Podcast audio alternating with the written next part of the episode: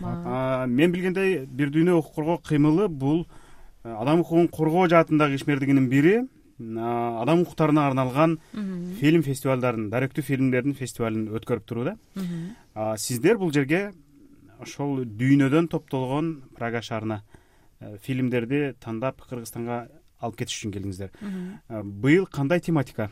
Быйыл эмнелерге көбүрөөк басым салды? Кандай фильмдерди тандадыңыздар дүйнөдө көп фестивалдар бар. Киного кино жаатындагы дегендей анан андан тышкары баягы атайын спецификалык фестивалдар бар. Бул баягы тоолуу фильмдер деп коебуз. Адам укугу болобу же болбосо кандайдыр бир тематикага байланышкан. Мына ушул жагынан алганда э, бир дүйнө кинофестивали кыргызстанда өтүүчү. Бул баягы адам укуктарына байланышкан фестиваль. Эми баягы ошол адам укугун коргоо жаатында мисалы баягы бир доклад түрүндө же тиги кандайдыр бир э, мындай заявление түрүндө бирдемени айтууда бул фестивалдын э, мындай айтканда ролу аябай чоң. Анткени бул баягы кинонун тили менен жеткирип ошол болуп аткан мындай айтканда маселелерди чагылдырууда бир өзүнүн эбегейсиз чоң ролун ойнойт да. Анан бул прагадагы баягы бир дүйнө фестивали мындай айтканда өнүктөш болуп фильмдерди жылда эле ушул жактан тандап кетет. Баягы биздин кинематографисттер болобу биздин ошо бир дүйнө коомунун өкүлчүлүктөрү менен жылда ошо бир кандай бир санда фильмдерди алып кетебиз андан тышкары баягы өзүбүздө болуп аткан ошо даректүү адам укуктарына байланышкан фестивалдарды чогултуп туруп анан бишкекте ошо октябрь ноябрь айында өзүбүздүн фестиваль болот. Биздин келген себебибиз дагы ошол фестивалга даярдыктарды көрүүнүн биринчи баягы кадамдары. Быйылкы биздин бир дүйнө кыргызстан укук коргоо кыймылынын бир дүйнө фест эки миң он сегиз фестивалынын негизги э, темасы бул адам укуктары жана э, тагыраак айтып кеткенде буунун адам укуктары боюнча декларациясынын жетимиш жылдыгына байланыштуу өтөт. Ошондуктан биз ушул э, декларациянын отуз биринеси боюнча фильмдерди карадык тандадык. Ал аябай көп өлкөлөрдөн отуз бешке жакын фильм тандадык. Алар көп шаардардан алдык. Көп көп э, мамлекеттерден алдык. Мисалы үчүн чет өлкөлөрдөн айтып кетсек акш словакия украина аябай түрдүү түрдүү фильмдерди тандап алдык. Эмнелерди байкадыңар? Ошол адам укуктары дегенде ошо сиз атап өткөн өлкөлөрдө жана башка өлкөлөрдө эмнелерге көңүл бурушат экен? Маселен кытайдын да фильмин тандадыңар окшойт ооба туура э, мактап аттыңар эле. Ал фильмдерди айтып кетсек э, көп проблемалар жанагындай тоскоолдуктар чагылдырылган. Мисалы үчүн аялдардын укугу жаш балдардын укугу ошого караштуу тематикалар аябай көп болуптур быйылкы жылы. Андан сырткары согуш чыккан жерлер э, мисалы үчүн миграцияга байланыштуу суроолор аябай жакшы көтөрүлүптүр бизге аябай жакты.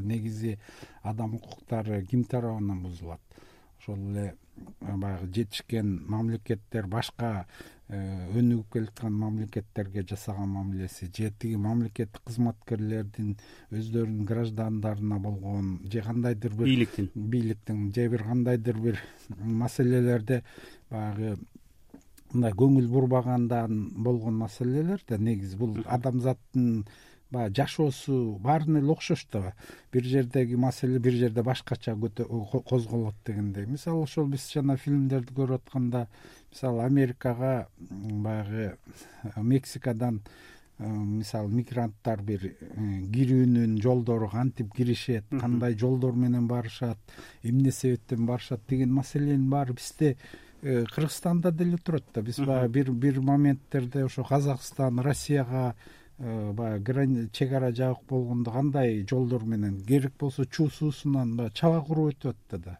Ошол сыяктуу э, бул козголуп аткан маселенин баары эле окшош дегендей. Азиза мына сиз байкадыңызбы? Мен дагы байкагам. Прагадагы бир дүйнө фильмдер фестивалына кириш үчүн билет акысы жүз элүүдөн эки жүз крондун тегереги да. Бул кыргыз акчасына которгондо беш жүз жети жүз сомдун тегереги болот да. Ошого карабастан билет алып кезек күтүп киргендер көп экен. Бул аябай сонун жагдай. Фестивалды өзүн өлкөнүн жашоочулары колдогону жакшы деп ойлойм. Анан тилекке каршы бизде кыргызстанда бекер болгон болот. Бирок фестивалга кызыккан адамдар аябай аз. А бул жерде мен чындап айтсам аябай таң калдым. Эмне дегенде кино тасмалардын көрүүсүнө аябай көп адам келип деги эле айткандай аншлаг болуп жатты да. Ошондон мен ойлойм бул жакшы жагдай. Кыргызстанга дагы жакшы кыргызстанга кыргызстан да ушундай кылып өнүктүрсө аябай сонун болмок.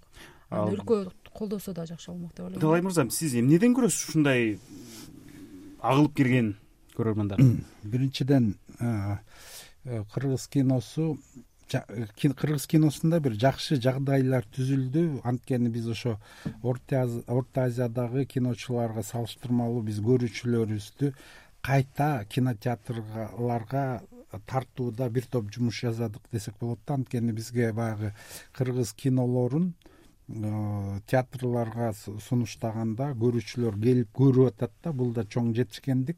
Бирок жанагы коммерциялык кинолорду коммерциялык кинолор да. Анан менин айтканым биз бир э, башталуу этабында туруп атабыз го дейт. Анткени бир э, ошо жалпы кино жаатында бир бир өлкөнүн баягы голливуд кинолорунун үстөмдүгү болуп келген да. Анан ал э, эмне себептен? Ал баягы индустриянын өскөндүгүнө байланыштуу экинчиден баягы көрүүчүлөрдүн табитин ошолорго бир туура багытты туура тандап алгандагысында дейм да. Анткени биздин кинодогу негизги темалар бул баягы Э, биз комедияны деле кечээ тартып үйрөндүк да. Биздин темаларыбыздын баары баягы драма жанрында биз мисалы фантастикалык кинолорду тарта албайбыз ага баягы күчүбүз келбейт көп каражат талап кылат деген. Ошондой бир э, баягы кино серепчилер анализдечү бир маселелер бар да. Бул биринчиден. Экинчиден кино көрүүчүлөрдүн маданиятын жогорулатуу өстүрүү. Э, муну менен эч ким баягы мындай айтканда э, иштебейт. Киночулар элди киного чакырууда кандайдыр бир мындай эми программанын кереги жок кандайдыр иш иштер такыр эле алып барылбайт да. Ушул киного келүүдө кээде биз ушу көп фестивалдарды баягы бир дүйнөдөн башка Э, ошо жаштарга арналган фестиваль бар карек деген кыска метраждуу фильмдердин өлкөсү деген фестивалыбыз бар улуттук ак элбирс деген кино сыйлыгыбыз бар. Анан мына ошолорго көрүүчүлөрдү же баягы каалоочуларды тартууда биз аябай эле кыйналабыз да ай келгиле келгиле. Мындай айтканда үйүнөн барып эле колунан жетелеп келгенге чейинки иштерди жасайбыз бул жагынан бизге үйрөнө турган көп нерсе бар. Мен эмне үчүн э, көп көрөрманды тартуунун зарылдыгы дегенди айтып атам. Анткени таалай байке сиз айтпадыңызбы мурдараак да бул кино аркылуу адамдын аң сезимине. Туп туура кандайдыр бир э, ачыктыкты киргизсе болот депчи мен эмнеден байкадым? Жакында иран фильмдер фестивалы өттү прагада. Анан бир киного барып кирдик. Зал толо европалык жаштардын арасында отурдук ал кино мындай экен. Ооганстандык жигит ирандык кызды жакшы көрөт экен. Бирок эми ал жерлерде тынч эмес болгондуктан экөө ата энеси да макул үйлөнүүсүнө макул болбогондуктан экөө сүйүүлөрүн сакташ үчүн мындай тынч өлкөгө кеминде түркияга же европага качалы деп аракет кылышат да. Бирок жолунда абдан көп тоскоолдуктар. Өздөрүнүн караңгылыгы жана башкалар э, тоскоолдукка учурап атып экөөнүн максатына жетпей калды да бул качкындардын ошол э, өз мекенинен чыгып аткандагы аракеттери жөнүндө фильм да. Чехиядагы э, эл качкындарды жакшы көрө бербейт көп.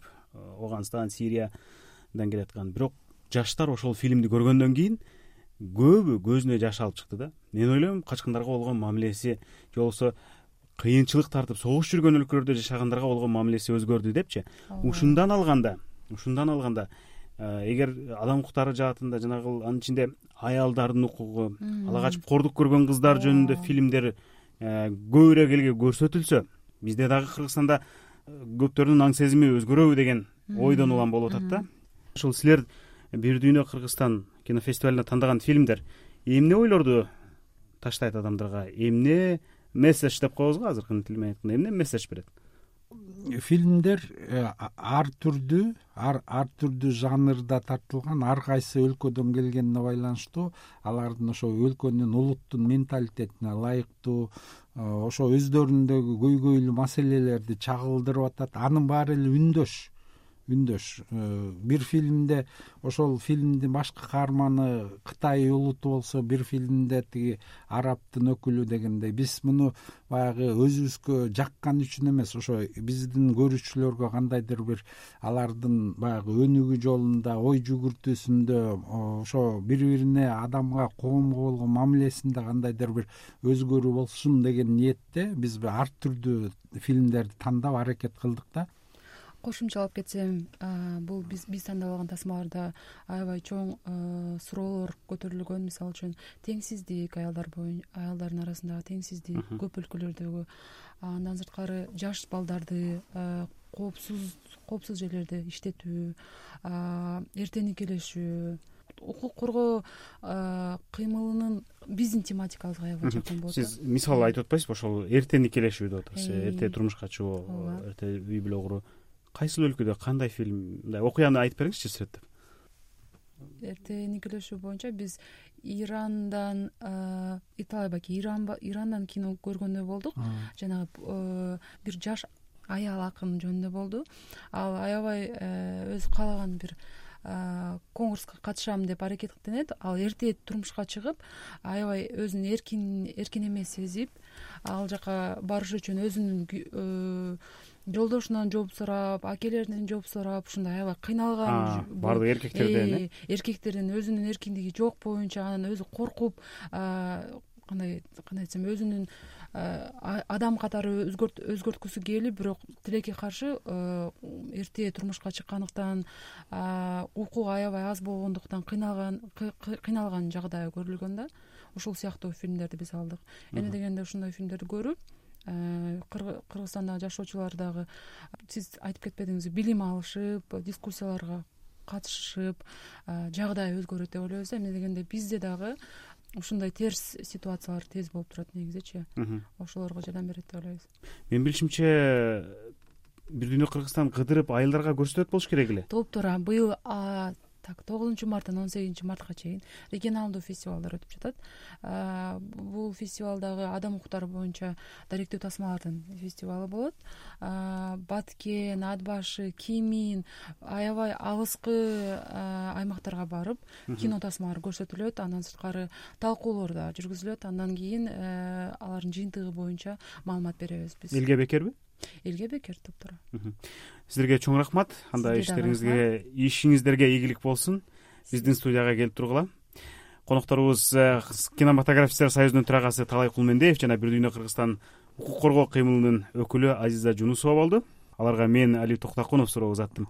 Жыйынтыктайбыз. Саламатта болуңуздар